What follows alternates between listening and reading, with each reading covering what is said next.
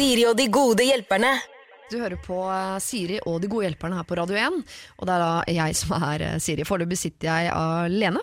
Jeg får straks altså, besøk av mine gode hjelpere, som i dag eh, er Jan Thomas og Makeup-Marlin. Jeg vet at hun ikke kaller seg for Makeup-Marlin lenger, men jeg antar at det er det du kjenner henne best som. Em, før vi sitter i gang, så kan jeg jo uh, forklare hva det er vi driver med her hver eneste søndag fra klokka to. Vi prøver jo å hjelpe deg som har problemer, da, og det kan jo være bitte små problemer til store problemer. Uansett så har man jo en tendens til å tenke at sine bitte små problemer er store problemer. Og det er de, fordi de fyller mye av tiden din og hodet ditt. Og hvis ikke du finner en utgang på det, du blir ikke enig med deg selv eller du blir ikke enig med andre, så kan det være litt godt å høre noen som verken kjenner deg egentlig ikke saken, eller noen av de andre involvert, uh, uttale seg på vegne av seg selv, sin egen moral, sin egen magefølelse eller egne erfaringer om nettopp ditt uh, problem. Så skal jeg prøve så godt jeg kan å lande det et sted som du kanskje kan være enig i at kan være fint å lande i nettopp dette problemet. Eh, jeg har hatt en problemfri helg selv, vil jeg påstå. Jeg har vært en tur i København fra torsdag til lørdag sammen med en av mine aller aller nærmeste venninner, og noen venninner av henne, som jeg i utgangspunktet ikke kjente så godt. Så jeg var nervøs på vei eh, ned for hvordan dette her skulle gå. Altså, Man kjenner jo ikke folk egentlig så veldig godt før man har vært sammen med dem noen døgn av gangen. Før man på en måte har lagt seg sammen, stått opp sammen, vært slitne sammen, møtt motgang sammen. Det er da man først kjenner hverandre. Og jeg tenkte, åh, tenk hvis det viser seg at de jeg tenker at er hyggelige, viser seg å være monstre når du blir godt kjent med dem. Eller tenkte jeg at jeg plutselig blir monster et eller annet sted i, løpet av eh, denne turen. Eh, men det var deilig å se at vi er eh, voksne mennesker som har uh, forskjellige behov. Noen vil dette, noen vil dette. Man er voksne nok til at selv om man da gjør ting hver for seg, så betyr ikke det lenger det det betydde før. At når man ikke er sammen, så liker man ikke hverandre. Så jeg fikk masse tid for meg selv i København til å gjøre de tingene jeg elsker der. Og så fikk vi masse tid sammen til å spise, skravle, drikke vin, bonde, bli bedre sendt osv. Så, videre. så alt i alt grua meg foran turen. Har kommet glad og styrket ut av det hele. Og det overskuddet skal jeg bruke altså på deg her i dag på Radio 1. Så hvis du sitter og gnager på et eller annet du gruer deg til, eller et eller annet du har gjort som du lurer på hvordan du skal forholde deg til, så eh, plott det ned i en mail og send det inn til meg. Min mailadresse er siri.alfakrøllradio1.no. Siri og de gode hjelperne. Søndager fra to på Radio 1. Og nå har jeg fått mine to gode hjelpere på plass. Eh, og det er eh, Malin Nesvold, tidligere kjent som Makeup-Malin. Jeg kommer til å si Makeup-Malin noen ganger i dag, Malin. Det går fint. Og jeg ta på mikrofonen din nå. Ja. Er litt hyggelig? Ja, det hadde vært greit, det. Eh, YouTuber. Ja. Eh, influencer. Foredragsholder. Foredragsholder. Gledesspreder. Jeg tror ikke du si gledespike. Det Ja, gledespike. må jeg ikke Nei, nei, nei, nei. Og eh, Jan Thomas. Takk. Hva skal vi kalle deg, da? Kan du, eh, altså Mye av det samme er jo riktig, Ja. men hva skal man kalle meg? Vet du hva, jeg tenker det. Ok, dette er Apropos det vi har snakket om, Ja. og ikke ha noe filter. Ja, kjør. Jeg holder masse foredrag. Det siste slidet jeg ofte dunker opp, der Mm. står det 'Hustle until you don't have to introduce yourself anymore'. Og jeg tenker Det har jeg egentlig gjort. Så jeg er bare Jan Thomas. Så bare Jan Thomas. Ja, så har et, alle har et eller annet forhold til hva jeg driver med. Ja. Og da syns jeg det er greit. Vi trenger ikke å ha en sånn kategori. Ja, for jeg tenker på, eh, Du er en av de få jeg vet om hvor jeg ikke Jeg trenger ikke å um, si etternavnet ditt. Jeg, jeg tror ikke jeg engang vet hva etternavnet ditt er. det vet du ikke jeg heller. Er det Jeg har ikke, jeg er bare Jan Thomas. Ja. Det er bare Jan Thomas. Det er bare Jan Thomas. Ja, men La det bare være der. Eh, dere, det er 1. september, og det vil si at eh, høsten offisielt er åpnet. Eh, og da lurer jeg jo på hva dere har tenkt å gjøre i høst. Kan begynne du, Malin. Ja, skal jeg begynne? Ja, jeg jeg hadde jo tenkt at jeg skulle være deprimert hele høsten, men nå har jeg begynt til psykolog, så da tror jeg ikke jeg skal gjøre det resten av høsten likevel. Nei. Da tror jeg heller jeg skal jobbe med litt podkast, skrive litt. Ja, det høres ut som du kan tilbringe en del tid på hytta, litt sånn eh, i tøfler med uh, Ja, bisse og notatbok. Det Liksom. har jeg prøvd før, Ja. og da kom bare angsten eh, flyvende på når jeg er aleine i fjellheimen, så det har jeg gått eh, vekk ifra. Ja, jeg må være med folk, jeg. Ja. Så du skal gjøre hyttevirksomhet, men på, i storbyen. Ja, hjemme i stua under dyna. Hyttevirksomhet. Og du da, Jan Thomas, du har vel et uh...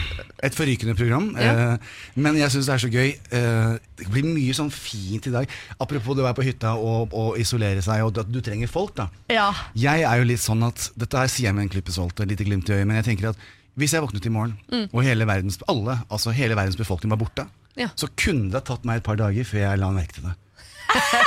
Fordi jeg koser meg med mitt eget selskap. Jeg surrer rundt, jeg planlegger, jeg skriver foredrag, jeg planlegger tingene mine.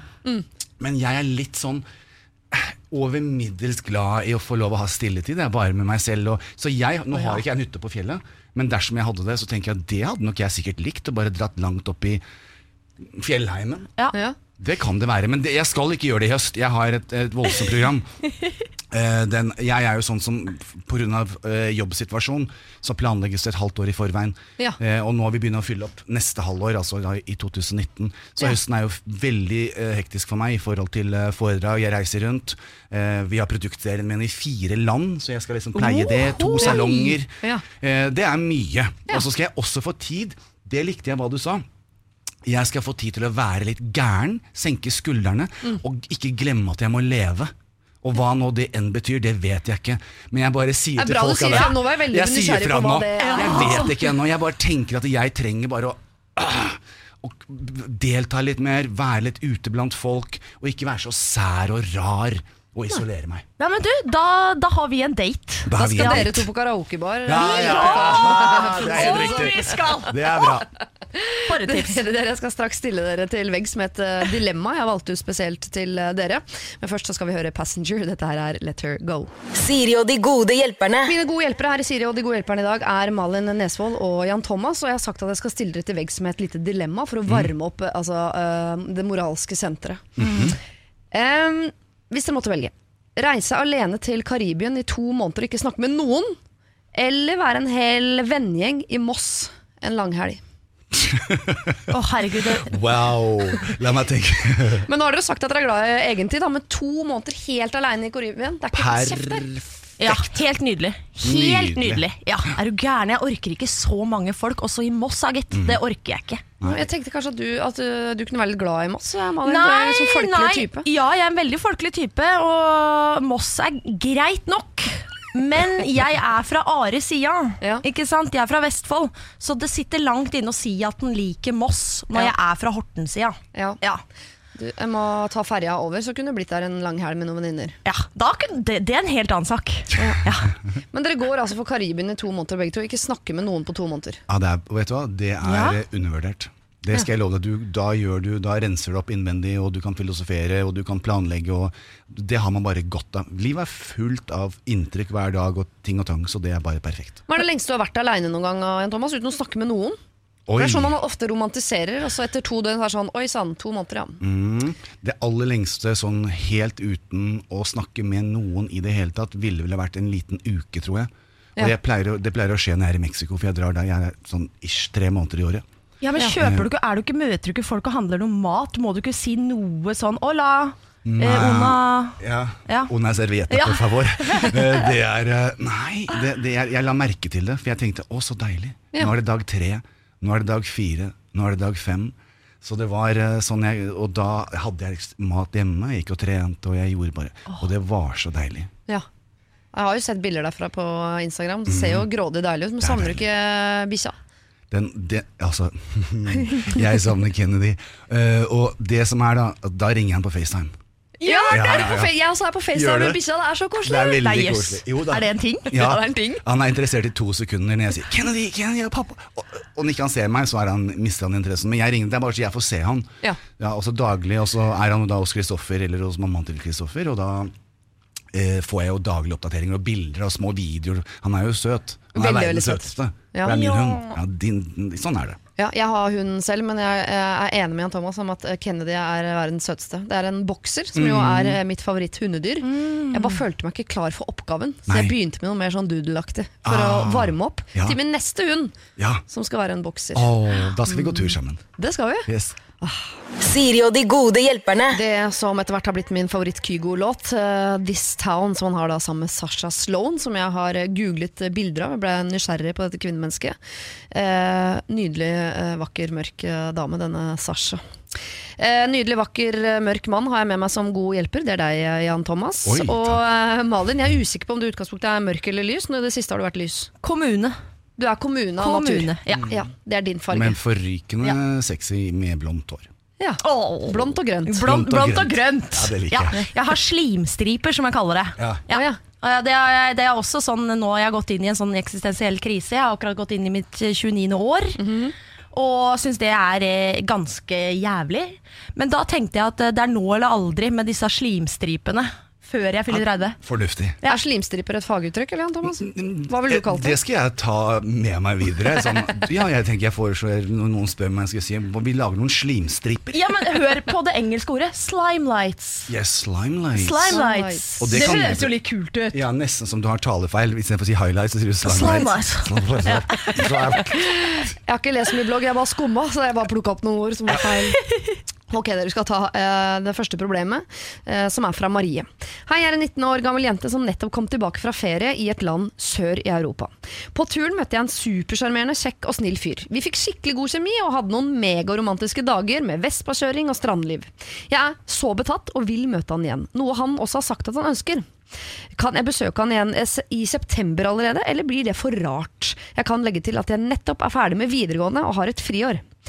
Altså det er en ung jente, har fri hele året. Altså, Forelska en fyr i Ja. Italia eller Ja, Hellas. ja, ja. Her tenker jeg det bare eneste liksom, røde flagget mitt er sånn nå må du ikke, nå må du ikke bli gravid. Det Ja. var det første jeg tenkte, for det er så fort gjort å bli liksom skikkelig smelt på tjukka. Med mindre det er liksom eh, love of eh, her life, da. Så er det jo ikke så gærent å bli gravid, tenker jeg. Nei, da er du åpen for graviditet ja, ja, også. ja, ja, men hun er fryktelig ung, da. Så jeg er ikke helt 100 åpen. Jeg er ikke det. Men jeg tror ikke det er graviditet hun i utgangspunktet er redd for. Hun Nei, tenker da. at september er litt tidlig. At det Nei, kan det er virke bare Nei. tull. Det er sånn jente Altså dette her Det er sånn jente Sånne regler Og han må sende først Og jeg kan ikke Og da skal jeg vente i tre dager og fem Mm. minutter Før jeg kan sende For hvis ikke så virker jeg ivrig Mm. Altså her er greia Hvis det er noe du har lyst på Så skal du gå og, og, og, og ta det Ja. Bokstavelig talt i dette tilfellet her Så jeg synes at hun er Det er jo ikke for tidlig i det hele tatt Er det noen hun har lyst til Hun har friår Hun har økonomiske muskler til å reise ned så skal den jo i aller høyeste grad gjøre det. Eller eh, long distance relationship, hva heter det? Langdistanse... Ja, Langdistanseforhold. Avstandsforhold. Avstandsforhold heter det. Ja. Mm. ja, ja. Avstandsforhold på, på norsk eh, er vanskelig i utgangspunktet. Og i hvert fall i denne, i denne fasen nå, hvor de da testkjører hverandre og skal prøve å bli kjent, Mm. så er det, det ligger i det. Da må du faktisk bruke tid med vedkommende, ikke Ja. bare på FaceTime og på, på tekstmeldinger. Tenker er det ikke smigrende? Ja. Jeg tenker jo det er fryktelig smigrende hvis noen har lyst til å møte meg så fort igjen, og er villig til å betale i dyre dommer og reise og sette av tid til deg. Ja. Det er fryktelig smigrende, da. Ja, han bør bli smigra over det. Ja. Og eh, Jeg skal ikke være nøktern og kjedelig på andre sida av bordet, her, jeg, men det er bare, bare for å bringe eh, real, altså, sånn hverdagen inn i det hele. Da. Nå har de møtt hverandre, de har vært i Syden, strandliv, Vespa. Det har vært en, en eh, romantisk film, nærmest. Jeg tenker Hvis man skal teste om dette her er noe mer enn bare en sommerflørt, så burde de jo eh, kanskje skifte habitat. Jeg bare lurer på Å dra ned dit nå, mer strandliv, mer Vespa-liv. At man kan rote seg inn i en forelskelse som egentlig ikke har noe hverdag, hvis du skjønner. Mm. vi Eller skal man kose seg nå en stund til? Ja, jeg syns man skal kose seg, men det, et viktig poeng er jo er han også, Har han et friår, eller kommer hun ned til hans hverdag? Ja. Det vil da si at da han kanskje må stå opp tidlig, gå på jobb, han kommer hjem er litt mer sliten. Det er ikke bare 24-7 med denne, med denne jenta. Så det er et element som jeg ville ha, vil ha likt å vite. Ja. Fordi at det er jo en sånn grei Prøver du deg på avstandsforhold, så er det denne ferieromansen. Alt er så fint, og man er brun, alt er deilig og sånn. Og så skal du prøve å overleve i hverdagen, som er Ja. fylt av inntrykk. Altså, folk flest jobber jo. Så det er jo interessant å se, og da er det ikke noe farlig. For da kommer jo hun ned for å se funker det når hverdagen eh, setter inn. Men er det fordi hun uh, lurer på om det er for tidlig i det hele tatt å se han? Uh, det er mitt spørsmål. Er det for tidlig å bringe hverdag inn i denne Mamma Mia-filmen hun driver og surrer rundt inni? Jeg syns absolutt det. At de er jo ikke der. De har hatt en kort lita uke. Det er jo ingenting. Man, og jeg bare tenker selv når jeg har vært forelska, så har ikke hverdagen kommet etter en uke inn i forelskelsen. Da har vi kosa oss med potetgull og dipp mye lenger. Flere uker i strekk. ja. ja, før hverdagen kommer og tar deg. Så hun kan dra ned eh, på besøk til han igjen og bare kjøre på med mer strandliv og Vespa-liv, eh, men forhøre seg med han eh, i forkant om hans hverdag på en måte har kommet eh, på plass. Ja. Om han er tilgjengelig, Ja. om de kan ha det sånn som hun hadde det sist hun var der osv. Sånn at de blir enige om sånn, sånn at, det at det lever opp til forventningene. Så, Ja. så, så ikke hun har urealistiske forventninger. Men altså, jeg er, jo, jeg er jo en mann som er full av passion. Eh, og når man er i et forhold, så er passion kjempeviktig. Dette skal jo pleies. Hun er ung, ha det gøy. Kjør på, vær forsiktig, men allikevel. Sannsynligheten for at hun kommer til å bli såret noen ganger i livet, ha kjær den er stor. Ja. Ja. Men å få oppleve kjærlighet, passion, i fem sekunder, det er verdt det. Kjør på. Og få lov å oppleve litt den, eh, romans, den romansen som man bare ser på film. Ja, ja, ja. Ja, det, det hadde jeg bare virkelig grepet tak i og holdt så lenge jeg kunne. Og så kan han hviske henne i øret på italiensk. Ti amo. Mi amor, ti amo. Marie, du skal kjøre mer eh, Vespa. Han bør ta, bli, altså føle seg privilegert over at du har lyst til å treffe han allerede i september. Eh, Hverdagen trenger ikke å komme allerede nå, men det kan være greit med en forventningsavklaring før du reiser ned, sånn at ikke du er på ferie, men han har hverdag. God tur! Siri og de gode hjelperne. Søndager fra to på Radio 1. Vi blir her i Norge og skal på dugnad med en som heter Steffen. Og når jeg sier eh, vi, så mener jeg da Malin Nesvold og Jan Thomas, som er mine gode hjelpere. Steffen skriver nemlig Hei. Jeg jobber i en relativt stor bedrift der strukturen er tydelig. Altså det er en leder, det er mellomledere, og jeg er langt nede på stigen. Men for noen år siden så arvet jeg en fornem leilighet i en finere bygård i Stavanger. Så jeg bor over min klasse, om man kan si det sånn. I samme bygård bor en av mine ledere. På jobb så pisker han meg rundt med alt mulig oppgaver, fra relevante og spennende ting til kaffekoking. Og det er greit, sånn er det her. Og om en stund er, det, er min tid som slave antageligvis ferdig. Men privat er jo ikke dette greit. Og når det er ting som skal gjøres i borettslaget, altså dugnader, styremøter osv., så, videre, så behandler denne fyren meg på samme måte som på jobb. Så hvordan kan private meg eh, stoppe det uten å ødelegge for profesjonelle meg?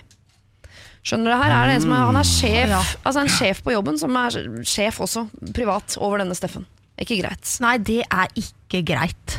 Dette kjentes fryktelig ubehagelig. Og jeg, bare med en gang, jeg er utrolig dårlig på å si ifra selv. Så jeg, nå kjente jeg at jeg var helt sånn Hva gjør du nå? Ja, du hadde flytta antakeligvis. Jeg hadde, jeg hadde flytta. Jeg hadde flytta. Men han har jo en fantastisk leilighet som han har arvet. Så det Åh, kan han ikke. nei, kan jo ikke det. Nei, For det har han sikkert ikke råd å kjøpe en ny en som er like stor og fin. Hva ville Nei. du gjort da, Jan? Hmm, jeg, det passer meg veldig dårlig å bli fortalt hva jeg kan og ikke kan gjøre. Og jeg liker eh, Jeg kan forholde meg til autoritet, jeg kan forholde meg til regler. Men dette her har jo sklidd litt ut. Og jeg tror det er litt av det som skjer. Ofte man tar med seg jobben hjem, eh, og så er man i den samme settingen. Og så bare endrer man ikke girskift, og så bare fortsetter han. Og det er jo på ingen som helst måte ok. Så jeg tenker i, i Skal jeg bli veldig seriøs.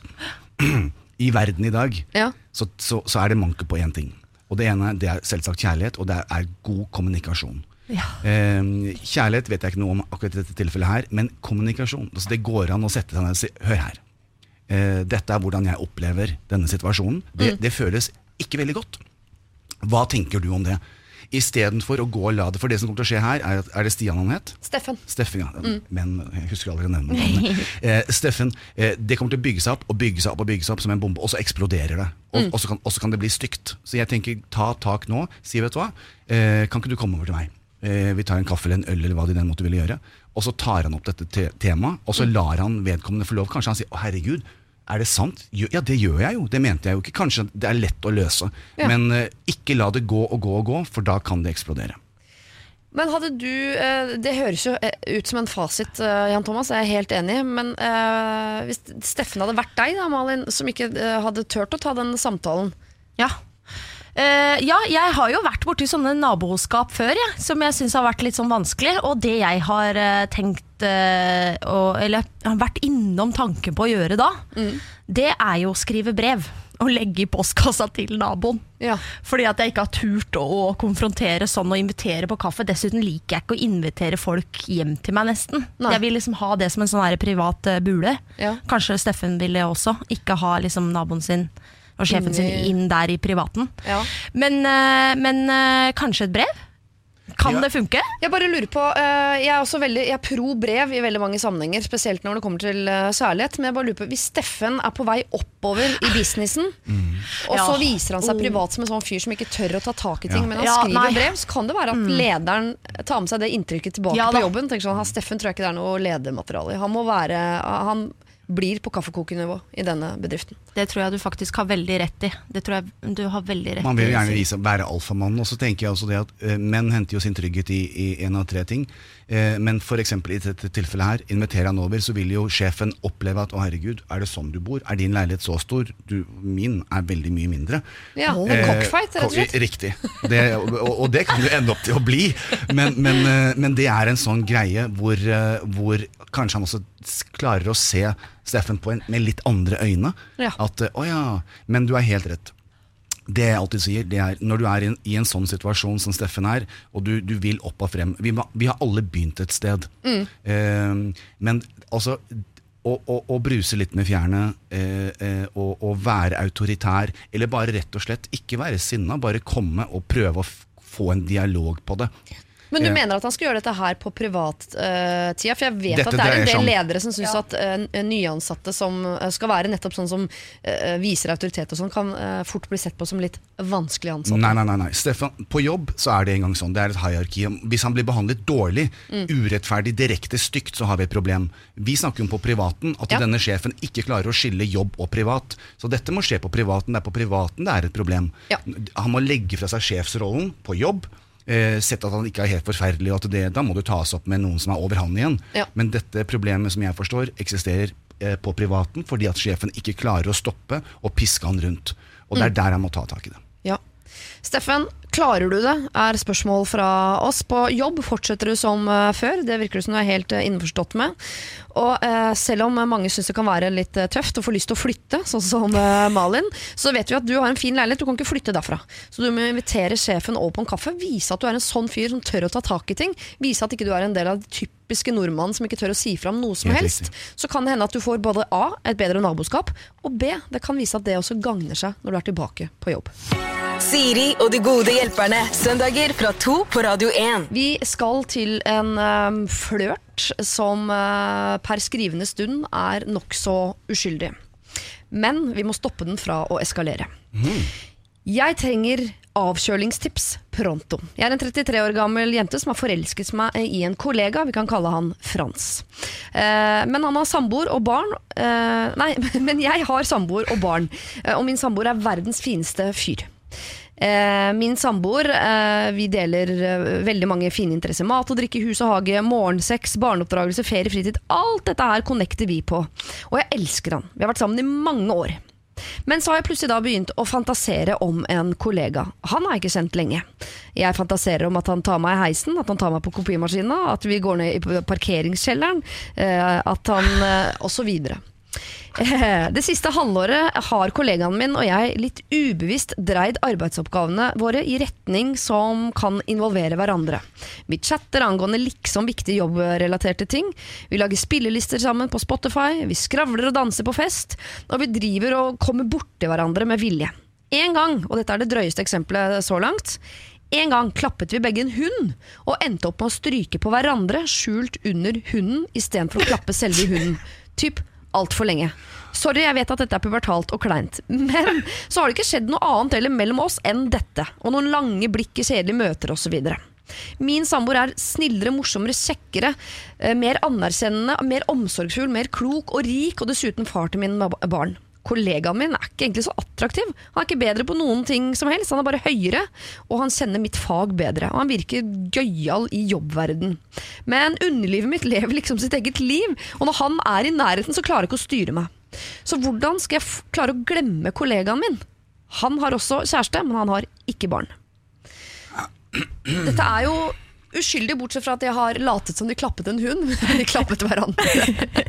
Det syns jeg er veldig veldig søtt. Men eh, det er ikke greit. Hun har samboer, hun har barn. Han har kjæreste. Ja, Eller er det greit?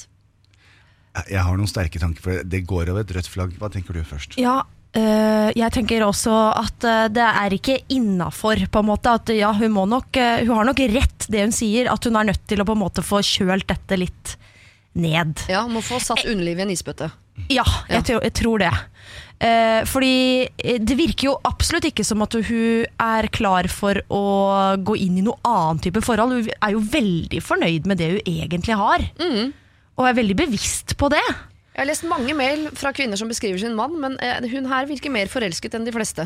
Ja, og jeg mener når liksom Her er jo tydeligvis alt på stell. De har morgensex, og de koser seg. Jeg, ble, jeg blir nesten forundra sjøl, ja, men hun har da et underliv som lever sitt eget liv. Ja. Det, har jeg, eh, det, det trodde jeg holdt på å si. Det er sånn jeg bare har hørt eh, at man snakker om menn. eh, Ja. Som har dette underlivet som tenker Med den har den egne egen. Med den egne hjernen osv. Mm. Uh, men fader ullan, hva skal hun gjøre? Ja. Stemmer denne myten om at dere menn har to hjerner? Ja, stemmer eller? det. Ja, Ja, det gjør det, ja. ja absolutt. um, ok.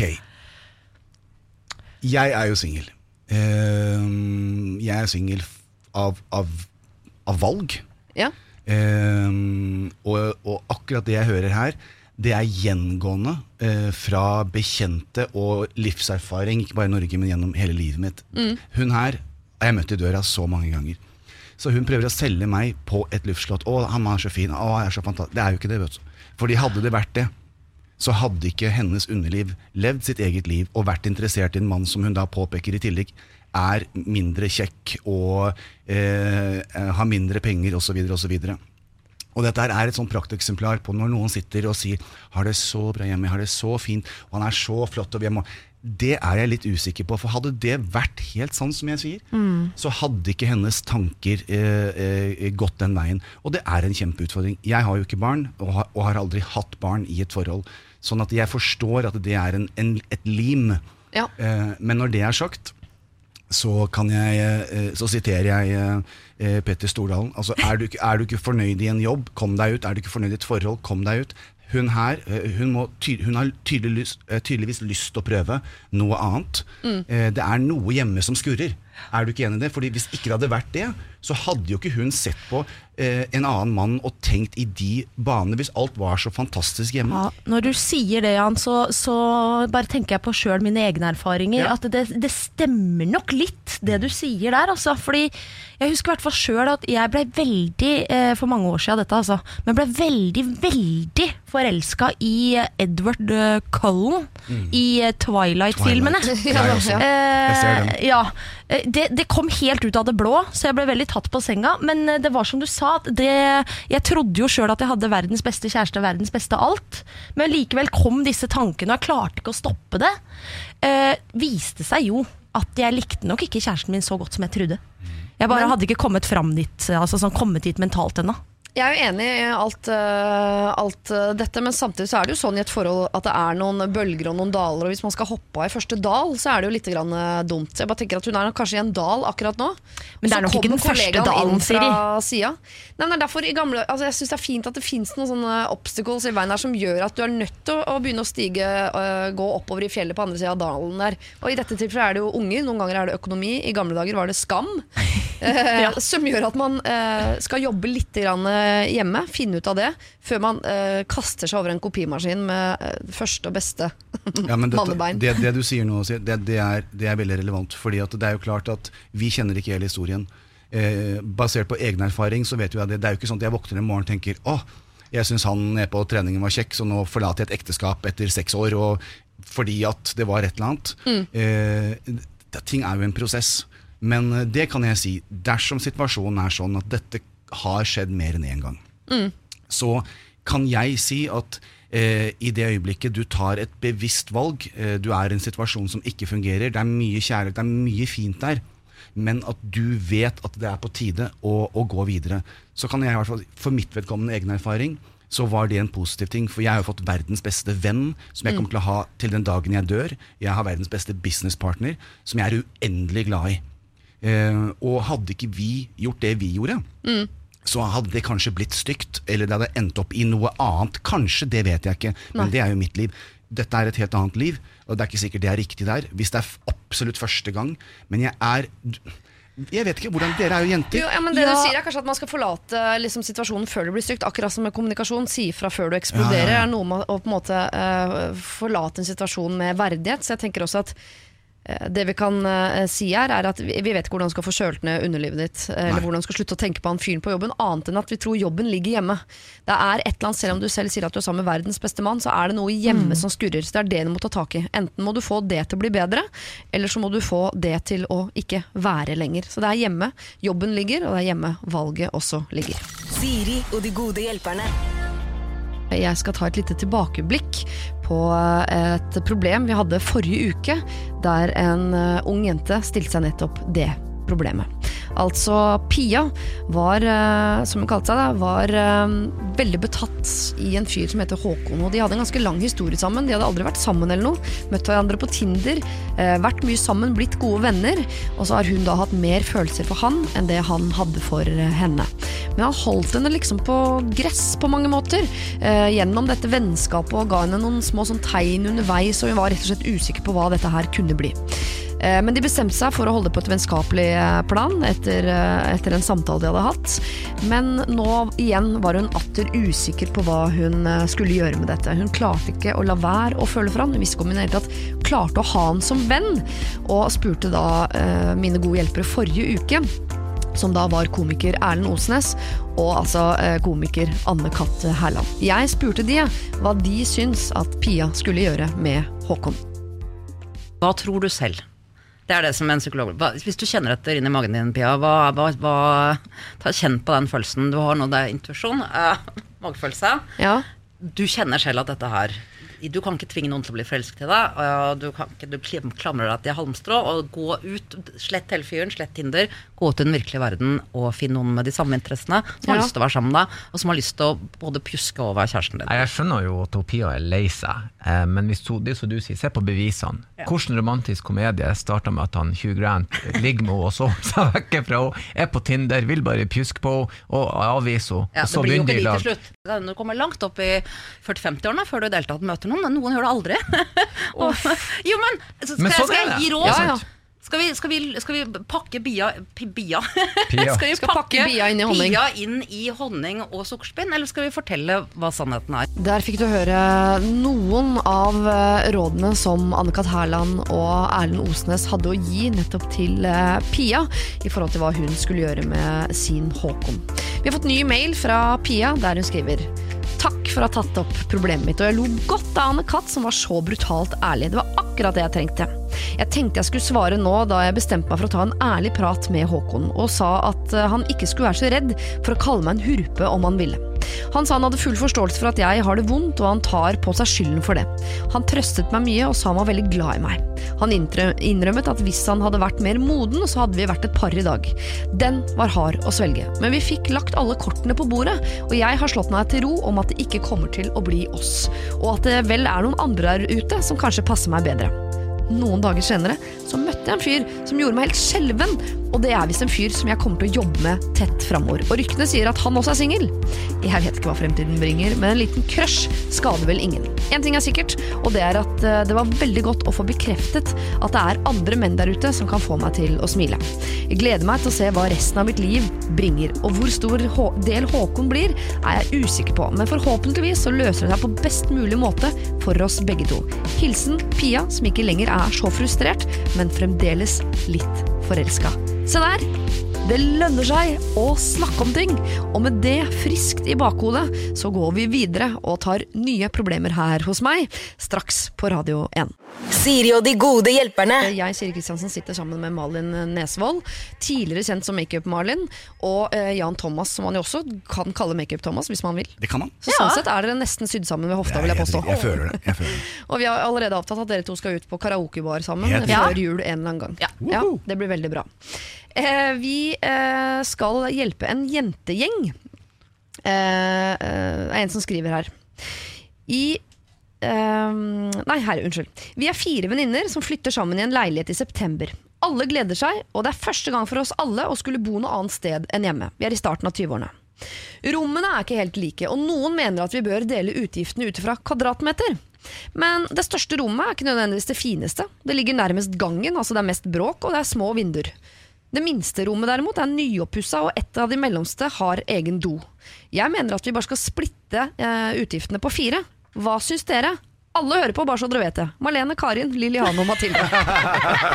så de er hvert fall, Her er kommunikasjonen på plass. De har snakket om det, men de blir ikke enige om den økonomiske fordelinga på de fire rommene. For å gjøre det enkelt, så la oss si at husleie er 16 000. Lett å dele på fire. Det er fire, hvis dere lurte. Ja, takk. Takk, Siri. Ja. Hva blir mest rettferdig, syns du, Malin? Ja, jeg har jo bodd i kollektiv sjøl, og det her var jo eh, en av de vanskelige tinga vi også sto overfor. For det var litt samme opplegget med størrelse på rom og greier. Ja. Eh, vi kom til enighet, og det synes jeg i- personlig synes jeg det var en fin løsning. Det var at vi hadde litt ulik husleie. Ut ifra hvilket rom vi hadde. Ja, men Gikk det på størrelse, da? Eller på lysforhold? Eller bråk? Det gikk på eh, størrelse Ja, men det gikk både på størrelse og bråk, og hvor den lå i leiligheten. Ja. Ja, Men da må jo alle bli enige om hva som er bra og dårlig med et rom, da. ja det måtte vi. Så det var jo inn på hvert rom, ha liksom litt befaring på hvert rom. Litt sånn pros and cons på hvert rom. Skrive ei lita liste. Og så finne ut liksom, hva er det diggeste rommet, og, og så sette pris ut ifra det. Det er jo litt, det er litt mye jobb, men det, det var det verdt. For i hvert fall da var det ikke noe liksom om og men seinere, når det kom til betaling og sånn. Da var alle på en måte Men Fikk alle rom de ville ha da, eller var det noen som var plassert på dyre rom de egentlig ikke ville ha? Så Åh, fikk en høyere nei. pris, eller Der, det har du Ja, det kan bli problematisk, men det, den slapp vi unna. For der var det på en måte greit hvem Ja. som eh, ville bo på det dyreste rommet. Det var hun som hadde best jobb. Ja, ja, ja, ja. Hva tenker Du Du har ganske økonomisk teft, eh, Jan Thomas. Ja, og ja, men jeg har aldri bodd i kollektiv. Eh, så tenker jeg også litt sånn eh, for Umiddelbart tenker jeg det er jo ikke alltid størrelsen det kommer an på. Hey! Ja. Men eh, det var artig. Tjing! Kan jeg følge opp med Noen ganger er det bra med trange rom også? Er det Det er helt riktig. Så takk. Eh, så her, vet du hva? Jeg tenker som så. Eh, det ene rommet er større, men det er ikke like fint. Det andre rommet var nyoppusset. Mindre, men med eget bad. Kjempeverdifullt, så du slipper Ja. å dele badet med den andre. Og så tenker jeg, det er fire gode venninner. Eh, De skal, de skal ut fra for første gang bo alene, komme inn i et fellesskap. Vet du hva? Gjør det veldig veldig enkelt. Jeg, de er venner i utgangspunktet. Det jeg tenker er Man kan sikkert vinne krigen, men til hvilken pris? Ja da, det er sant det. Eh, Del det på fire, flytt inn, ha det fint sammen, og ikke lag en big deal ut av det, tenker jeg. Bare, det kan jeg kjenne at det er rettferdig. Ja. Det der å komme inn og gjøre befaring, og ditt rom er større, ja, men ditt har bad, ja, men ditt er sånn, ja, men ditt er mer bråk. Jeg tror det kan bli bråk av det. Så jeg Ja. tenker, del det på fire, smukk, smukk, kjøp en flaske champagne eller fem, og ha en fest. Det du kan gjøre òg, er jo som du sier, del det på fire. Men kan man ikke da sette opp en sånn liten avtale at ok, eh, hvis, hvis folk gidder, da. Ja. Men, eh, og da si at eh, nå har du det rommet i et halvt år, og så bytter vi. Eller i hvert fall åpne opp At for de bytting sånn- rullerer litt, da, så alle får smake på godsakene. Ja, for Hvis det dukker opp noen misunnelse underveis, kan man si sånn I eh, februar så tar vi en status på om alle er fornøyd med rommet Ja. sitt. Hvis det er flere som må bytte, så må vi ta en omrokering eller finne på noe nytt. Ja. Men vi begynner med denne fordelingen. Alle betaler 4000 kroner hver. Og så ser vi hvor fornøyde vi blir. Men da må de ha åpen dialog derfra. så Det ikke må går de, og det er murrer. viktig. Så da er det viktig at de setter nesten en dato nå for når de skal ha dette liksom eh, møtet. Ja, eller opp til evaluering. Ja, da at de evalueringsmøte. sier, vet du hva, det, dette har jo gått kjempebra. Jeg tenkte egentlig ikke så mye på det. Eh, men la oss se her, da. Eh, hvis jeg skulle velge alfa og omega Jeg har tatt det lille rommet med bad. Du? Ja. Ja, jeg hadde jo også tatt det lille rommet med bad. Nå har vi et kjempeproblem. Jeg har tatt det største rommet. Ja. Mm. da, fordi at det er og jeg tenker, Hvis det er fire stykker, så er det kanskje noen tenker Ja, men jeg har veldig mye sko, eller jeg, har, jeg, skal, jeg liker å ha litt space. Ja. Uh, ja, nei, jeg bryr meg ikke så mye om det. Jeg, Da kan jeg være i fellesrommet. Men Nei, jeg er sånn på alt. Skal ha den største isen, største mannen, største rommet, alt. jeg ser det med Største største bilen. Jeg jeg, med Jeg kjenner den. Ok, her er det litt forskjellig vekta mellom uh, oss, og det er det jo mellom dere også, Marlene, Karin, Liliane og Mathilde. Men uh, to av tre mener at det skal gå for en, uh, en rein splitt. At dere betaler like mye alle sammen. Men da må dere bli enige om noen punkter hvor dere setter dere ned og evaluerer. Er alle fornøyd med rommene sine? Hvis det er noe misnøye eller noe agg dere imellom, så må dere ta en ny runde på det. Og da kan dere kanskje kjøre plan B, som er å evaluere hvert eneste rom og sette prisen deretter. Siri og de gode hjelperne. For en liten tid tilbake så satt eh, jeg, Siri Kristiansen, Malin Nesvold og Jan Thomas og diskuterte et venninne-økonomisk problem. Og det kom vi ganske godt ut av. Eh, og siden vi er så varme i trøya på det, så skal vi ta et nytt venninneproblem som også omhandler økonomi. Skal vi se om vi er like rause her og kjører en splitt. I slutten av måneden skal vi i jentegjengen ha vår årlige høstfest. Det går på rundgang hvem som arrangerer, og i år er det min tur. Vi setter inn litt penger hver måned på en felles sparekonto som skal gå til mat og opplevelser i løpet av året. Jeg liker å være tidlig ute med ting, og har derfor allerede handlet inn en del mat og effekter til festen. Jeg har brukt ca. 3000. Men så har jeg nå blitt syk, og jeg må avlyse denne festen. Kanskje utsette. Dette er ene og alene min skyld, og, jeg, eh, og nå mener da flere av de andre jentene at jeg må ta utgiftene på min kappe og betale tilbake på vår felles konto. Men gjelder ikke en sykemelding i vennegjenger, eller? Emma. Mener du at hun må betale tilbake de 3000? Eller, har, eller hele festen? Nei, hun, har, hun har brukt 3000 kroner fra felles konto til mat, Ja. som de nå på en måte ikke får spist fordi festen er avlyst. Og da mener de at eh, Emma her uh, må betale tilbake de 3000. Det syns jeg var ganske kjipt. Jeg mener Når venninna di for det første er sjuk det, det, er jo en litt sånn uh, kjip situasjon i utgangspunktet, og så skal du da si at hun skal paye for hele? Hun har jo bare gleda seg og vært uh, hva skal jeg si, proaktiv her, og vært uh, ute i, for, i tidlig tid. Ja. Og planlagt og stått på. Nei, fy søren. Men hun sitter Nei. jo igjen med verdier, for at hun har jo Ja, mat og effekter for 3000 kroner som Men- ganger nå bare men- henne, da. Ja, men festen den blir utsatt, så den, den, den tas opp igjen. Og da Ja. får hun bruk for alle de effektene. Ja, da er det bare den. den. Men maten er det verre med. Ja. Men hvor mye blir det med for maten da? Det kan jo ikke bli mer enn en tusing. Og en tusingdel på jentegjeng, det er ikke mye. Nei, ja, på- Delt på en jentegjeng er det ikke mye, men Nei. for Emma alene Ja, er det det er, ganske det er det mye. jeg mener. Det er der jeg syns at de skulle vært litt sånn rause, altså. Ja, det er vanskelig å be om. Det er det Ja, man vil at de fryktelig andre vanskelig, skal si. altså. Ja, jeg hadde jo ikke klart det, jeg. Men du, du tar opp et par gode poenger som jeg kom til å tenke på, for den syns jeg er vanskelig. Ja. Til jeg hørte du sa det du sa. Så effekter er kjøpt. Det vil da si at det kanskje det er et Coachella-party, de, har- de har et tema. Så effekten er jo der. De blir. Mens maten da, og det har en verdi på 3000, mat pluss effekter. Ja. Men effektene de blir, og da er jo det et regnestykke. Hvor mye har jeg brukt? For de kan vi bruke neste uke eller om en måned. For festen kommer, det er bare jeg må bli frisk først. ikke sant? Ja. Maten Jeg har, jeg har kjøpt mat for 600 kroner. Ja. Eh, den går ut på dato. Så da kan hun f.eks. gi tilbake 600, som når da, da festens dato faktisk blir, Mm. eh, så er effektene der. Eh, hun har da gitt tilbake de seks. De kan da rebrukes til å kjøpe mat som ikke har gått ut på dato, for det er litt kjedelig. Ja. Magesjau og, og sånt er ikke så bra. Nei. Så, det, så man kan dele det opp litt. Det ville jeg gjort, for da er det fornuftig.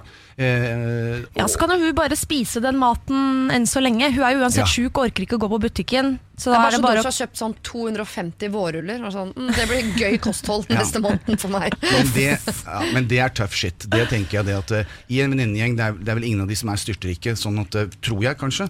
Så jeg syns det er en, en grei ting, jeg. Kan de ikke bare fryse denne maten? Har hun ikke en fryser? Ja, Fordi da er jo alt greit. Da har du jo både maten og effektene. Da er det jo ikke noe å tenke på. Da er det bare å dele den der 3000 kronesummen. Ja. Jeg er enig i at hun må ta vare på så mye som mulig av både Ja. mat og effekter til å arrangere. Det hun virker ikke som hun er helt sikker på om hun skal avlyse eller utsette festen. Jeg mener at hun må gå for en utsetting. Ja, absolutt. Coachella-festen skal skje før jul. Det tror jeg. Ja, og Det da har du noen effekter. Du har sikkert kjøpt en soyasaus eller et eller annet som kan bli stående, men så er det det der svinekjøttet eller jeg vet ikke hva du har kjøpt, mm. som, eh, som står og råtner.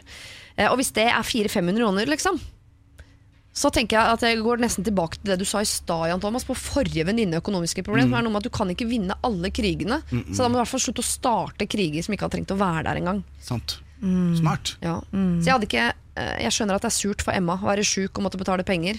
Og spise 250 vårruller i løpet av kun kort tid her eh, Ja. nå. Men kanskje hun bare skal svelge den. Hun kan svelge den, og så Mm. kan man også ta lærdom av det. Dette er et ungt menneske, så da vet hun det. I denne feilen gjorde jeg én gang. Neste gang så skal jeg vente og drøye litt, for ting kan skje. Ja. Og da vet hun også det. Det er jo, det er jo hennes feil Hun har gått og kjøpt maten i eh, en uke, ukevis i forveien. Ja. Så det, personlig så kjøper jeg den på dagen når festen er. Ja. Emma, det var eh, altså Noen ganger så skal det straffe seg å være ute i eh, god eh, tid, og det gjorde det dessverre for deg denne gangen. Men jeg ønsker deg god bedring, og jeg håper dere har en eh, veldig veldig morsom fest når den dagen kommer. Siri og de gode hjelperne. Dere, Vi skal hjelpe en som kaller seg for Ani, som har et eh, pro eh, Altså, det er rart. Dette, dette syns jeg er rart. Ja. Eh, jeg regner ikke med at noen av dere har erfaringer med dette, men vi skal prøve så godt vi kan. Jeg har en kjæreste som jeg har vært sammen med i et halvt år. Vi har det veldig fint sammen, utenom det aspektet som gjelder sex. Vi har ikke ligget sammen ennå, på tross av at jeg har prøvd utallige ganger. Hver gang har jeg blitt avslått, diskré, men med avvisende bevegelser. Jeg har prøvd flere ganger å ta det opp med han for å finne ut hvor problemet ligger, men han kom med vage unnskyldninger og vil ikke prate om det. Det gjorde at jeg lenge trodde det var noe med meg som han ikke likte. Til slutt, for en uke siden, fikk vi pratet ordentlig ut om det. Og det viser, viser seg at årsaken er at han er sjenert og har lav sexlyst. Jeg forklarte han at det var vanskelig for meg å høre dette, da det for meg er en viktig del av forholdet. Noe han kunne forstå.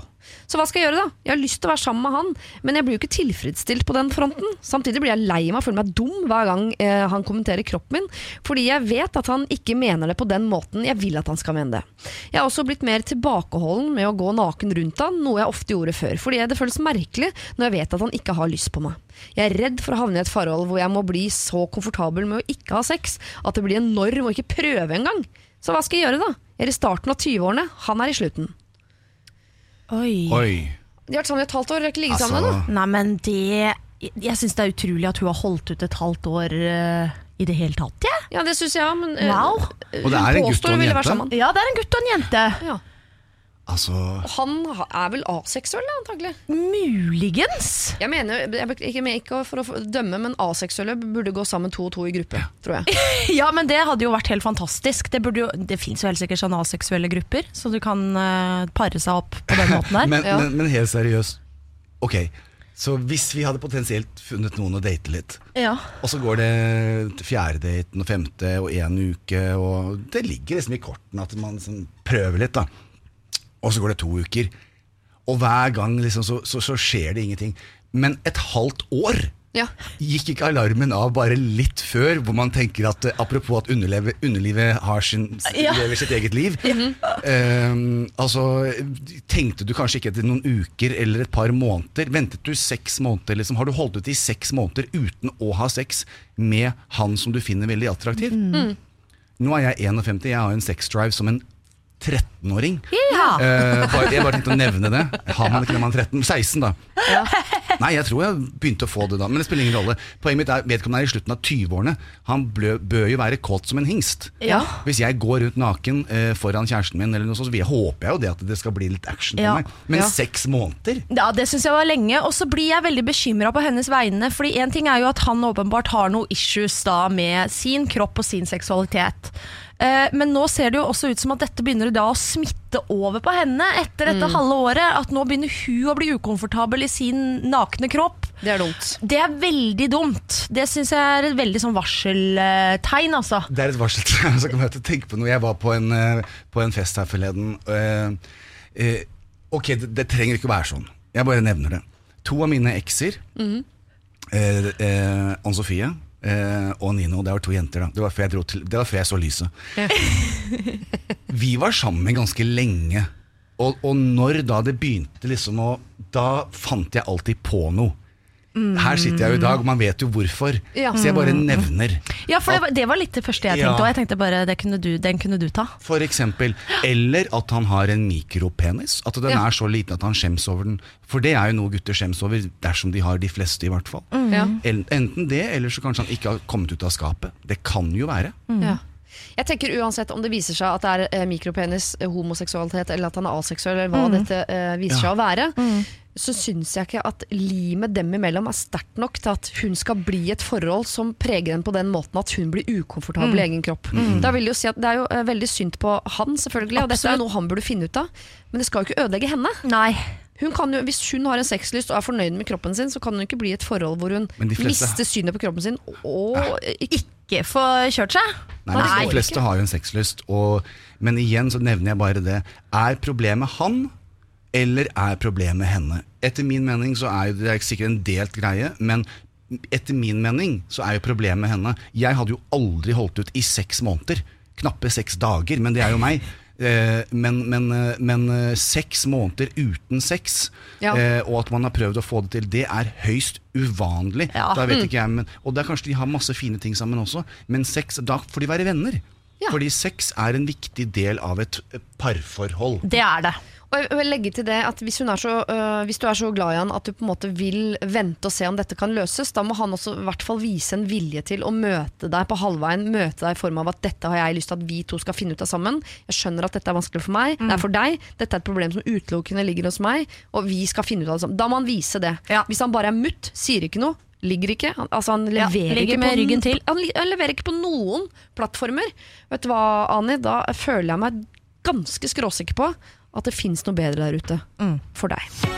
Siri og de gode hjelperne. Søndager fra to på Radio 1. Dette problemet her, eh, som er sendt inn fra Karina, har jeg hatt i innboksen min en stund, men jeg syns ikke jeg har hatt riktig eh, hjelpere til å finne ut av det. For det er ikke et um, eh, det er ikke et veldig følsomt problem, det er mer et praktisk problem. Og jeg føler at hvis det er noen som har en løsning på dette, så må det være dere. Hei. I går fikk jeg et innfall, og etter tre år med sparing til langt hår, eh, som aldri ble veldig langt, marsjerte jeg inn hos nærmeste frisør og sa 'klipp av dette rælet her'. Så langt er alt vel. Hyggelig frisør som jeg eh, tenkte forsto hva jeg ville ha. Altså en slags lang bollesveis, eller en lang bob, som andre kanskje ville kalle det. Jeg ante fred og ingen fare. Klippingen begynte, vi ble enige om lengde og alt det der. Etter 45 minutter gikk jeg fornøyd ut og syns eh, det ble snasent. Helt til jeg så meg fra siden. Det ser ut som jeg jobber på Steinerskolen, eller burde hatt en sånn lang papegøyeøredobb eh, og flagrende klær eh, som er laget av hemp. Altså Det er pen lengde foran, ca. skulderlengde, men det er kort bak. Altså Sånn på nippet til barbermaskin-kort, og kjempeskrått ned til den lengden jeg og frisøren ble enige om foran. Hjelp! Hva gjør jeg nå, da? Skal jeg gå med hestehale til det vokser ut i nakken, så jeg kan klippe meg riktig igjen? Må jeg oppsøke eh, boder for å kjøpe meg klær av hemp, og slutte å bruke deo? Eller må jeg nå i en alder av 24 år gå til eh, innkjøp av en papegøyeørdobb? Kall meg Karina. Jeg skjønner at Skjønner det dere her er sveisen? Å Ja. ja, jeg skjønner den sveisen, ja. Ja, ja, ja. Åh, Det er, det Det var i er hvert fall ikke hva asymmetrisk. kaller du det egentlig? Er det en lobb, eh, egentlig? Nei, lobben er lengre. Å ja, lobben er lengre, ja. Bobben er kortere, Ja. og det der er jo da asymmetri som vi gjorde med Sasun for 100 år siden. Eh, nærmest en step-bob, hvor det er kjempe, det er klippet opp til hårlinjen bak, og så er det skrådd nedover. Mm. Og hun har jo helt rett. Nå skal det sies at Victoria Beckham hadde noe lignende for ikke så veldig, veldig lenge siden, Ja. men hun har jo også en helt fantastisk stil og Ja. har evnen til. Men her er greien. Vi begge jobber i bransjen. Jeg har to salonger. Eh, Så, så det saklige svaret her, det er at det, ehm, det var tydeligvis ikke en, en bra nok dialog. Spørsmålet er jo også, Hun følte seg kjempefin når hun gikk ut av salongen. Viste ikke frisøren et speil bakfra? Ja. Eh, sånn at hun kunne ha sjekket det der og da. Ja, hva kunne han gjort da, i så fall? da? Eh, Da kunne man tatt opp dialogen og sagt at herregud, hva har skjedd? Og Ja. gi frisøren muligheten til å si oi, jeg beklager hvis han hadde Du kan ikke sy på håret igjen, Nei. men gi vedkommende en mulighet til å rette opp. Ja. Eh, Og så kan du vel få pengene igjen, kan du ikke det òg? Hvis du er skikkelig misfornøyd? Ja, eller ikke, ikke, ikke ønske å betale. Selvfølgelig kan du det. Men dette her er hvorfor, eh, i hvert fall hos oss, så er konsultasjonen det aller viktigste. Det er når jeg snakker med deg, diskuterer, viser bilder, er veldig, veldig tydelig. Så nummer én Eh, dette er tøffe ord. Dette er en, et, ordentlig, en kjempeslurv fra frisøren. Han bør skamme seg. Dette skal ikke skje. En, en misfornøyd kunde, det kan du få, men, men ikke Det er mindre sannsynlig dersom du har en veldig tydelig kommunikasjon i konsultasjonen, Ja. hvor man blir helt enig. For kunden kan komme inn og si sånn Å, jeg har bare klippet meg alt det rælet. Ja. Det hun egentlig mener, er at hun har lyst til å ta av fem centimeter. Ja. Så du må etablere hva For henne så kan rær være så det, er, så, så det ville vært én ting. Ja. Uh, så, så der startet allerede feilen. Eh, og hva kan hun gjøre i dag, da? Nei, hun skal ikke gå og kjøpe seg papegøyer. ringle. Vet du hva? Nei. Nå, s- jeg vet ikke Du hvordan hun kan jo ha cosplay nå i noen måneder. og Bare gå all in i rollen som sånn flagrende tante. Bare ha det litt gøy med noen det, måneder. det kan hun, eller være dritsexy. Eh, gå inn, eh, bleken i håret, gjøre et sølvskyld, eh, gredet stramt bakover, bak litt sånn Kim K med kort. Hvor hun kan prøve å være kul, endre makeupen sin, kjøpe seg noen fete klær. Eller hun kan gå inn og klippe seg litt kort-ish som meg, halvveis. Gunhild Stordalen. Gjøre noe fett. Det alt er bare muligheter. Nå kan hun få muligheten til å explore nye muligheter, nye uttrykk. Kanskje dette var hell i uhell. For at hun var kjedelig fra før, og nå kan hun ha det gøy en stund. Hadde du, Hvis hun skal gå tilbake da og endre eh, frisyren ytterligere, eller klage eller be om pengene tilbake, hadde du tørt at, den, at det var denne frisøren som skulle rette opp feilen? Eh, nei, eh, av erfaring. En gang så dro jeg selv til frisøren og ba om grått hår, men kom ut med elektrisk blått hår. Ja. Eh, Men det så du jo mens du var der, men du turte vel ikke jeg å si det ingenting. Jeg sa ingenting, Selv om at frisøren sa oi, oi, oi, hei, hei, dette var litt rart. Og Ja. så sitter jeg bare og smiler. Ja, det går Inget bra. problem, det går bra. Og betalte 3000 kroner for det også. Ja. Eh, etterpå. Det var vondt. Det var ordentlig vondt. Eh, men da Jeg turte ikke å eh, si ifra. Men min svigermor, Mhm. som jeg klarte å si det til etterpå, eh, hun tok opp røret, ringte til salongen og sa 'Min svigerdatter har fått blått hår', og det skal hun ikke betale for. Da var det tilbake eh, til samme jente Mhm. eh, og prøve å få retta opp dette. Må si at jeg syns det var litt ubehagelig. Ja, Det må jeg si. ja. Sånn er det jo. Dette er grunnen til at jeg, jeg, klager ikke på, jeg klager aldri på noen ting face to face. Jeg tar alt på mail i etterkant. Ja. Men, men, men det er noe i, nok en gang da, fordi at jeg, jeg driver to salonger selv. Dette, disse tingene kan faktisk skje. Eh, og det er noe med at eh, dersom du er misfornøyd, dersom noe har skjedd Ja. eh, Det er veldig fint for oss som fagmennesker at du kommer tilbake og gir oss muligheten til å rette det opp. Men du er ikke sur mens du står og klipper da? Ikke, øh, Og på ingen som helst måte. For, for meg så ville det vært en gave. Ja. Eh, jeg kan, vi har en rekke kunder som kommer, og vi har vært der og der og klippet oss. Jeg ble kjempemisfornøyd, og han var så teit. Det snakker vi aldri om. Nei. Det er jeg ikke interessert i å diskutere. Eh, Jeg er kun interessert i å rette opp et problem. Og hvis jeg har vært med på å skape et, et, et problem, skape usikkerhet i forhold til utseendet ditt, så har jeg kjempelyst til å få muligheten til å rette det opp igjen selv. Så Ja. jeg, hadde jeg vært henne, gå tilbake, vær saklig, ikke vær teit, ikke vær sinna. Du må gjerne være oppgitt, men gi vedkommende muligheten til å rette opp. Pluss, det kan kanskje komme mange andre gode ting ut av dette. Ja, og jeg tenker jeg som sitter her med de der eh, slime lightsa i håret eh, eh, Jeg har jo hatt ut utallige hårsveiser og hårfarger og alt, og har ikke vært fornøyd med absolutt alle. Eh, men det er litt sånn som du sier, Jan Thomas, at eh, da er det bare om å gjøre å liksom rocke det håret så godt det går. eh, Eie det, liksom. Ja, Ja. eie det i den perioden. Og da om det Kanskje du må bruke litt mer eyeliner eller et eller annet for å liksom få, den, få det håret til å virkelig skinne. Ja. Om det er en kul genser eller noe ekstra, plutselig sminke eller whatever, Mm. så gjør det. Og det er litt som du sier, at du kan bli overraska over at du finner liksom en litt ny side av deg sjøl. Ja. Fordi man blir jo utfordra, og veldig mange syns det er veldig skummelt med dette med hår, og det har så veldig med identiteten din å gjøre. Eh, tror folk har godt av å bli litt utfordra på det. Ja. Karina, her har du to ting du må gjøre. Du må gå tilbake til salongen og uh, gi de muligheten til å rette opp i dette. og Bare være litt ydmyk og grei med de. Og I tillegg så har du nå muligheten til å rocke opp identiteten din litt. Og da syns vi ikke du skal rocke den i retning av eh, papegøyeøredobber og hempklær, men mer i uh, retning av en uh, kul sveis, noen kulere klær, noe mer sminke osv. Men gå tilbake og la de som har på en måte gjort denne feilen, eh, få muligheten til å rette den opp igjen. Siri og de gode hjelperne. Mail oss på siri at radio1.no. Vi skal til et problem som dette har jeg fått varianter av. Altså, øh, og bare for å sette det inn i det, det er ganske mye mail fra folk som har en øh, slektning eller en venn øh, som har en kjæreste de ikke liker. Og jeg pleier alltid å ende opp på å si, med mindre denne kjæresten gjør noe som ikke er lov, så er det ikke sånn at man får seg kjæreste på vegne av andre. Man får en kjæreste man liker selv. Eh, og så er man ikke så opptatt av er kjæresten min en som både familie og venner liker. Man går ut fra sitt eget hjerte. Det er ikke et gruppearbeid, det der å være kjærester. Eh, men her blir jeg usikker på om jeg er enig med meg selv. Samboeren til kusina mi er en slimål. Hun er dritbra dame, og de har vært sammen i fire år. Når han klemmer meg, så holder han meg inntil seg litt for tett og altfor lenge. Han stryker meg litt langt nedover på ryggen, masserer skuldrene mine og streifer siden av puppen min på vei ut av klemmen. Så å si hver gang. Og jeg hater at han gjør det. Det oppleves tafsete og ubehagelig, men sosialt syns jeg det er kjempevanskelig å skulle si fra fordi jeg er glad i kusinen min, og jeg vil ikke gjøre henne flau ved å sette han på plass. Jeg blir pinlig berørt på begges vegne. Litt eh, bakgrunnsinfo. Denne fyren er en eh, pretensiøs kunstnertype i midten av 30-åra som snylte på min hardtarbeidende kusine. Det er så å si ingen i slekta som liker fyren, bortsett fra tanta og onkelen min, da, altså hennes foreldre, som mener han er en kjernekar. De kjøper den dårlige, overprisa kunsten hans og har tatt han inn i varmen. I vinter da kusinen min sa at hun vurderte å gjøre det slutt, eh, måtte jeg konse noe innmari for å ikke avsløre til rungene 'ja!' som jeg jo egentlig tenkte. Nå er det sånn at jeg gruer meg til å dra i sammenhenger hvor han også kommer til å være. Kan dette løses på noen måte? Jeg klarer ikke å late som lenger. Kall meg for Sara på forhånd, takk. Sara vil bli kvitt slimålen. Ja, men hun skal jo ikke eh, måtte stå noe særlig i det, tenker jeg. Det synes jeg var, det der er veldig ubehagelig.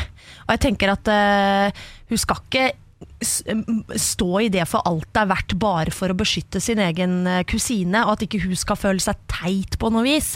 Jeg skjønner jo at kusina tar det personlig. Jeg mener det, Når noen snakker stygt om din kjæreste, noen du har på en måte valgt som din partner i livet, så er det klart at det vil være sårende på en eller annen måte, og det vil man ta personlig som et litt sånn personangrep. Men samtidig så tenker jeg også at burde ikke kusina vite det? Eller sånn, hun burde jo få vite hvordan kjæresten hennes egentlig er. Ja, Så Sara bør snakke med kusina Ja, sin. jeg syns Sara burde snakke med kusina si og faktisk bare si det som det er. At dette foregår, og at det er ubehagelig.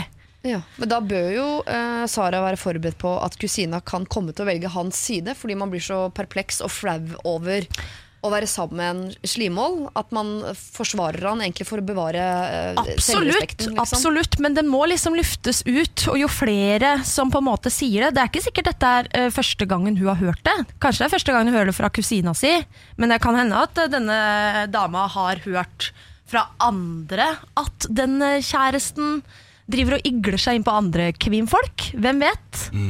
Ikke sant? Sånn at Det kan jo hende at hvis, eh, hvis hun si- forteller dette til kusina si, så er det bare sånn Å, herregud, der er det igjen, liksom. Det er dråpen. Nå er det nok. Nå ruller Weinstein-ballen Ja, her i nå, bygda. rull- nå ruller den. Nå ruller den. Ja. Altså, det, det, mm, det er todelt, fordi at eh, La meg starte med det aller viktigste. I den grad noen tar på deg, behandler deg på en måte som er ubehagelig, så er det ikke ok. Ferdig snakka. Eh, det er ikke opp til oss å tenke men kom igjen, det er ikke så farlig. I den grad hun føler det, det gjør hun tydeligvis. Ja. Dette er ubehagelig for henne. Dette må hun rydde opp i. Når det er sagt, til, eh, til forsvar for denne mannen, i mange kulturer, deriblant eh, i eh, eh, Latin-Amerika og, og andre, så er menn og damer helt annerledes enn vi nordmenn er. Vi er de er mye mer touchy-feely, de holder på deg når de snakker. Det er en helt annen grei. Eh, så det er ikke ensbetydende med at de har lyst til å ligge med deg, det er bare måten de er på. De har en helt annen måte å være på. Ja. Men jeg står på det første jeg sa. Eh, det spiller ingen rolle hva vi syns. Hun syns det er ubehagelig, dette må hun rydde opp i. Og hvis konsekvensen er at kusinen ikke vil snakke med henne eller tar hans side, så er det konsekvenser hun må leve med. Dette er ubehagelig for henne, og det er den eneste måten å rydde det opp. Rydde opp.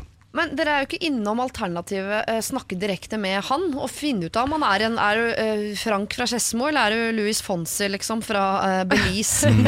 Mm. Det kan jo hende at de to Det- kan finne ut av det uten Seg imellom uten å måtte vikle inn kusina. Ja. At han Ja, tenker, å, ja, beklager. ja. ja, det går jo an i en sånn type klem, og akkurat idet han sneier, hvis du er tøff nok, da.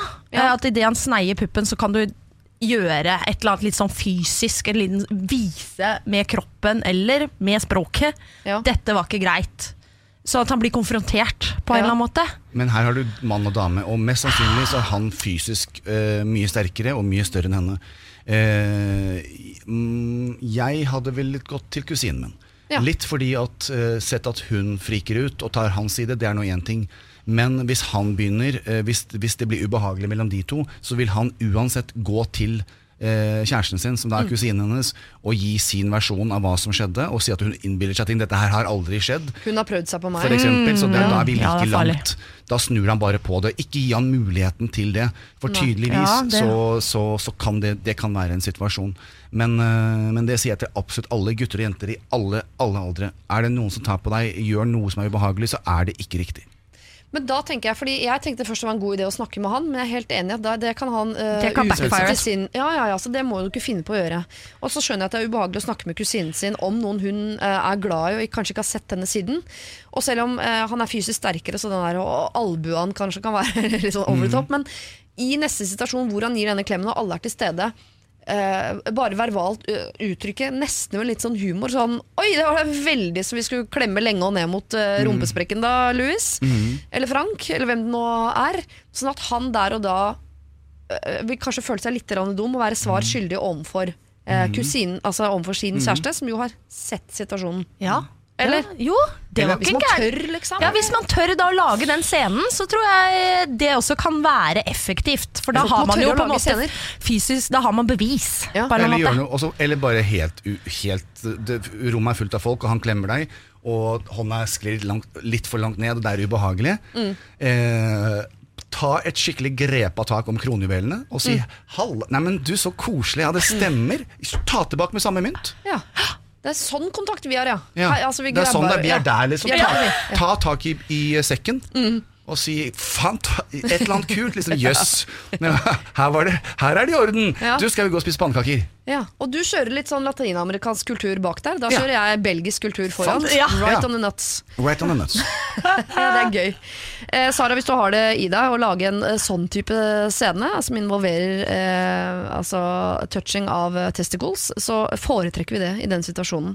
Eller bare si det til han direkte der og da, men hvis du heller vil ta det litt mer sånn rydda former, sitte nede, snakke om det, så virker det som om den, eh, den du skal snakke med, er kusinen din. Men da skal du være forberedt på at det eh, kan hende at hun velger hans parti. Siri og de gode hjelperne. Søndager fra to på Radio 1. Det er på tide at uh, vi her i Siri og de gode hjelperne uh, deler ut noen handlenett, noen motiverende handlenett, Uh, hvor det står 'Heia deg' og 'Siri og de gode hjelperne' osv. Og, og Malin Nesvold, du skal få lov til å dele ut et straks, det skal du også, Jan Thomas. Men først så vil jeg si at Marie, som er forelsket i en fyr i Italia og skal tilbake til dit i september, vi har sendt henne dit. Du kan jo da ta med deg et handlenett ned dit og pakke noe strandtøy oppi, eller vin og bagetter, eller hva du måtte ønske deg. Steffen, du som har sjefen din i borettslaget og må si fra til han om at han kan ikke behandle deg eh, i borettslaget slik som han gjør på jobb. Du skal få et eh, handlenett. Og så har vi da eh, du som er så forelsket i din samboer, men også underlivet ditt er forelska i en fyr på jobben. Eh, der har vi vel bedt deg om å gå hjem og gå det forholdet litt i sømmene. Ta den dialogen på hjemmebane. Så har vi Marlene, Kari, Karin, Liliane og Mathilde som skal flytte sammen i bokollektiv, men er ikke helt enige om den økonomiske fordelingen. Der har vi bare hardt kjørt gjennom en, en helt sånn jevn splitt. Dele summen på fire, men ta det opp igjen om en stund og se om alle er fornøyd med rommet. Emma, du eh, har blitt syk, så du kan ikke gjennomføre den årlige høstfesten, men må du betale tilbake det du har brukt på mat? Eh, det må du dessverre gjøre, og du må også ha festen når du har blitt eh, frisk igjen. Det er straffa for å være sjuk i dette landet, som Yes. man pleier å si på Nav. og så har vi da ehm, eh, vi har eh, Ani, som er, har vært sammen med en gutt i et halvt år. og De har fortsatt ikke ligget sammen. Der gikk vi vel for brudd, Ja. Som den mest konkrete løsningen Ja, ja, ja. i dag. Eh, Karina, eh, du eh, har vært hos frisøren og fått en stygg frisyre. og Da må du gjøre den vanskelige jobben der og gå tilbake og klage. Samtidig må du eie denne frisyren til den har eh, vokst ut. Og her har du en mulighet til å bytte personlighet, rett og slett. Eh, Så har vi da eh, Sara, som har en kusine med en kjæreste som er en slimål. Og du har jo da blitt bedt om å lage en scene, hvis du tør. Eh, Jan Thomas, hvem vil du sende handlenettet til? Jeg tenker at jeg har lyst til å se Jeg skal ikke si navnet hennes, for jeg tror ikke hun har lyst til å være offentlig. Men for en stund tilbake så var jeg på en jobb i Hønefoss, og der møtte jeg en helt fantastisk jente med Ja. noen utfordringer i livet. Eh, som jeg hadde en lang prat med. eh, og vi har holdt litt kontakt på, eh, på Instagram. Og jeg bare syns hun er et fantastisk sterkt, fint menneske, og jeg har lyst til å sende henne et nett full av masse positivitet og kjærlighet. For jeg er veldig stolt av henne for alt det hun prøver å få til i hverdagen sin. Skjønner hun selv hvem hun er nå? Hun skjønner veldig godt selv hvem hun Åh, er. nå blir hun glad! så koselig! Koselig. Og du da, Malin? Nei, jeg har, Det siste året så har jeg vært så utrolig lite på Facebook, så jeg vil egentlig bare sende et handlenett til alle mine Facebook-venner som har hatt bursdag fram til nå, mm. som jeg ikke har gratulert på feeden. Eh, gratulerer med dagen, nett. Ja. Altså, altså, det er dårlig unnskyld. Altså, dårlig selvtillit. Nei, hva heter det? Dårlig samvittighet. Dårlig samvittighetsnett. Ja, Ja. Tenk at man skulle miste språket sånn helt på slutten der. Sånn er det. Sånn er det. Dere har vært veldig hyggelig å være sammen med dere i dag. Jeg gleder meg til dere skal på karaokebar. Åh, før jeg gleder meg, jeg òg. Regner med å se noen updates derfra på diverse sosiale medier. Oh, yeah. Bare vent, da. Og så ønsker jeg dere en fortreffelig høst videre. Takk Siri og de gode hjelperne.